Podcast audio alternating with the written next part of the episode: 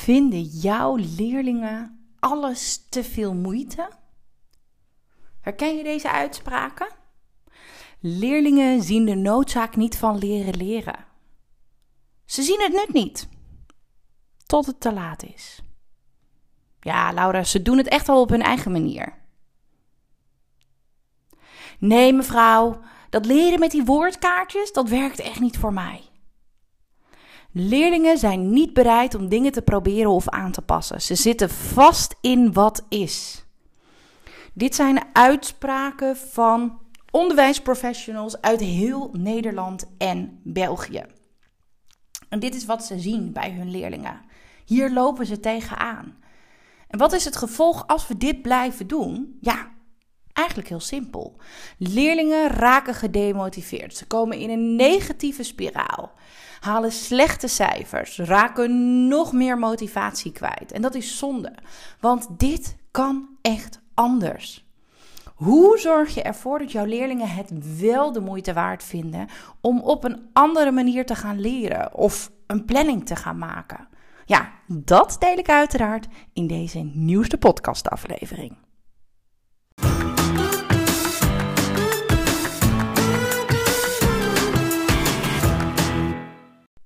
Hey, wat leuk dat je luistert naar de podcast van het Leerlab. In deze podcast leer ik docenten, mentoren, coaches, SLB'ers, LOB'ers. Ja, je zou kunnen zeggen, eigenlijk alle onderwijsprofessionals die je kan bedenken, alles over leren, leren en plannen. Wat zegt de wetenschap? Wat zeggen de onderzoeken over deze onderwerpen? Maar eigenlijk het allerbelangrijkste, hoe vertaal je dat naar de praktijk? Ja, ik ben Laura en met het Leerlab heb ik een grootse missie. Ik wil impact maken. Ik wil dat alle leerlingen in Nederland en België leren, leren en plannen. En om deze missie te bereiken ben ik heel actief op Instagram en maak ik elke zondag, bijna elke zondag, deze podcast.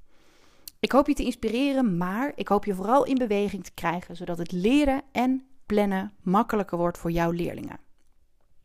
Ja, mocht je een vraag hebben over leren leren, plannen, motivatie, concentreren, stuur dan een mailtje naar info@leerlab.nl, want ik vind het juist heel erg leuk om de vragen van de luisteraars te beantwoorden. Dus heb je een vraag, stuur hem naar info@leerlab.nl. En wie weet hoor jij hier binnenkort in de podcast jouw vraag met daarbij het antwoord. Ja, daar zijn we weer. Een nieuwe week en dus ook weer een nieuwe podcast-aflevering. En vandaag gaan we het hebben over, ja, die leerlingen. Die leerlingen die het noodzaak niet inzien van het leren leren. Eh, die het heel graag op hun eigen manier willen doen. Ehm, en eh, wat jij kan doen om ze toch te helpen. Misschien heb je nu uh, wel vakantie en uh, luister je deze podcast terwijl je een heerlijke wandeling aan het maken bent. Misschien zit je ook wel in regio Noord en ga je nog een weekje keihard buffelen. Dat kan natuurlijk ook. In ieder geval ontzettend leuk dat je weer de moeite neemt om te luisteren naar de podcastaflevering. Ik ben uh, weer een beetje back on track, zo gezegd. Want vorige week was ik niet helemaal fit. Nou, nadat ik niet fit was, was onze kleine meid niet fit afgelopen dagen. En uh, koorts. En eigenlijk alleen maar bij mama willen zijn en bij mama willen slapen. Uh, of eigenlijk niet willen slapen. Dus ik zat aardig onder de snot, kots en alles.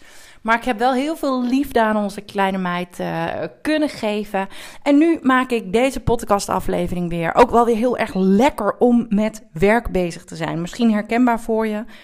He, moeder zijn, fantastisch. Maar ook fijn dat je nog die andere rollen in het leven kan vervullen. Dus nou, heel leuk in ieder geval. Um, ik ga deze podcast uh, opname opnemen. Die van volgende week ga ik ook vast opnemen. Want dan ben ik even vakantie aan het vieren. Maar ja, ik heb mezelf uitgedaagd een challenge te doen.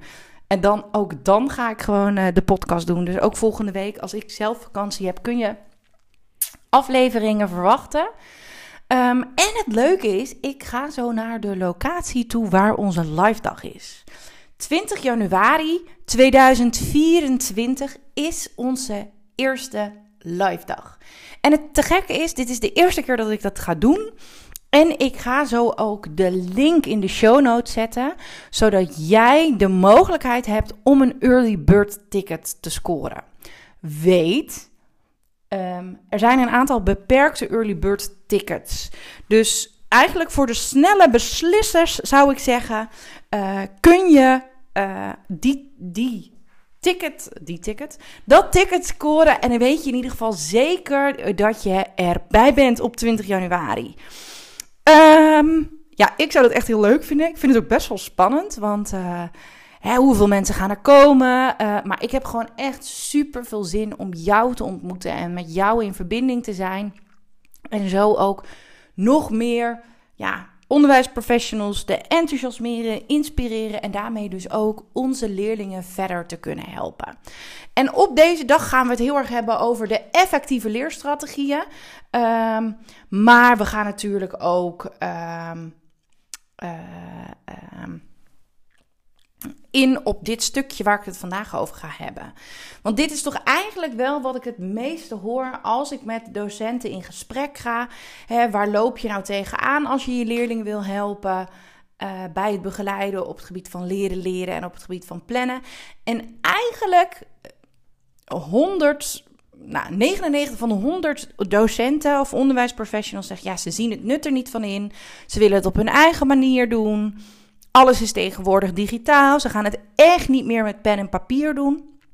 En in de introductie had ik het natuurlijk al een paar uitspraken gedeeld die onderwijsprofessionals ook met mij uh, delen. En dat vind ik altijd heel erg fijn, want dan, dan kan ik jullie weer verder helpen. Maar dit zie ik heel vaak gebeuren. Leerlingen zijn volgens de docenten niet bereid om dingen te proberen of aan te passen. Ze zitten vast in wat het is. En daardoor raken onze leerlingen gedemotiveerd, nog meer gedemotiveerd, gaan niks doen, halen slechte cijfers, raken nog verder hun motivatie kwijt. En dat is echt zonde, want dit kan anders. En eigenlijk heeft dit alles te maken met waar we beginnen als het gaat over leren, leren en plannen.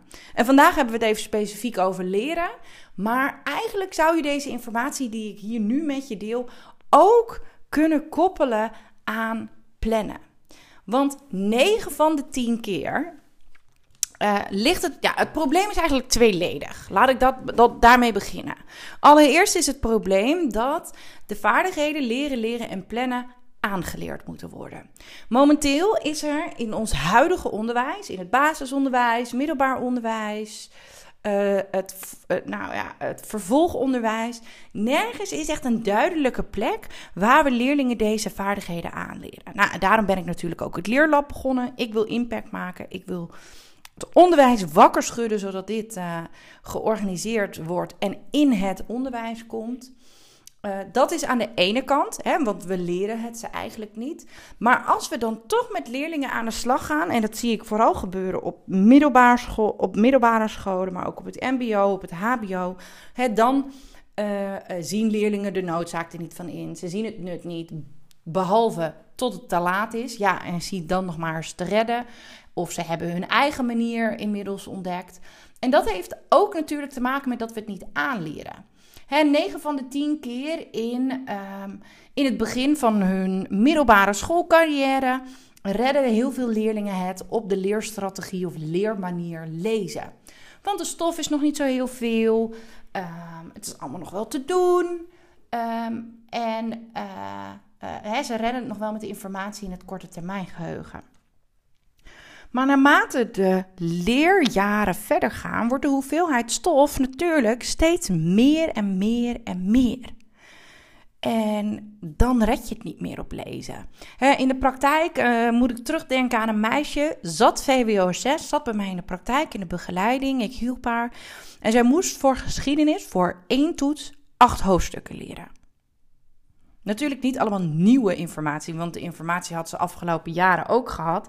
Maar zo ervaarde zij het wel, want ze had hiervoor nooit geleerd. Ik vroeg haar ook, hoe deed je dat hiervoor? Ja, ik las het een beetje door. En dat deed ze ook omdat ze eigenlijk geen idee had hoe ze het dan wel moest aanpakken. Dus ik denk dat het allereerst begint bij dat we leerlingen dit echt moeten aanleren. Uh, hè, hoe ga je dat nou doen? En dat moet jij niet in je eentje in de les gaan doen. Dat moet je met het hele docententeam gaan doen. Hoe jullie, willen jullie dat gaan aanpakken? Want dat is echt onwijs belangrijk. Ehm, want dan krijg je dus ook niet dat leerlingen het op hun eigen manier doen. Want dan zijn we dat voor. Dan gaan we leerlingen dus vooraf aanleren welke leerstrategieën effectief zijn. En dat is noodzakelijk. Want wij mensen overschatten onszelf. En als, zeker als het gaat over leren. Hè, dat gebeurt bij plannen, maar het gebeurt ook bij het leren. Wij kiezen manieren van leren die gemakkelijk en fijn voelen. Dat doen we van nature. Daar kunnen we niks aan doen. Daar kunnen jouw leerlingen niks aan doen.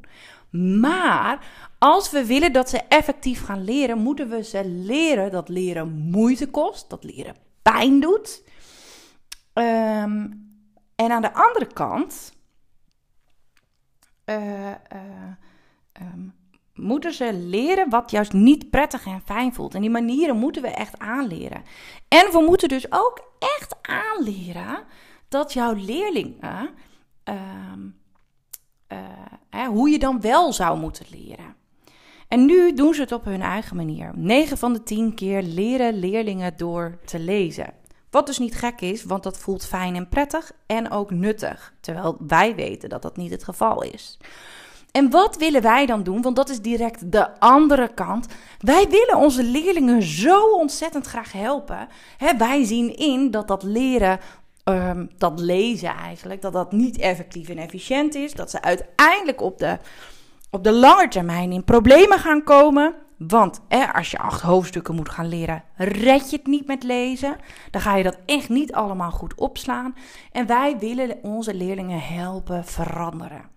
Wij gaan oplossingen aandragen. Wij gaan uh, tips geven, adviezen geven. Maar het vervelende is, dat noemen we de reparatiereflex, dat als we die reflex inzetten, een natuurlijke reflex, dat onze leerlingen in de weerstand gaan.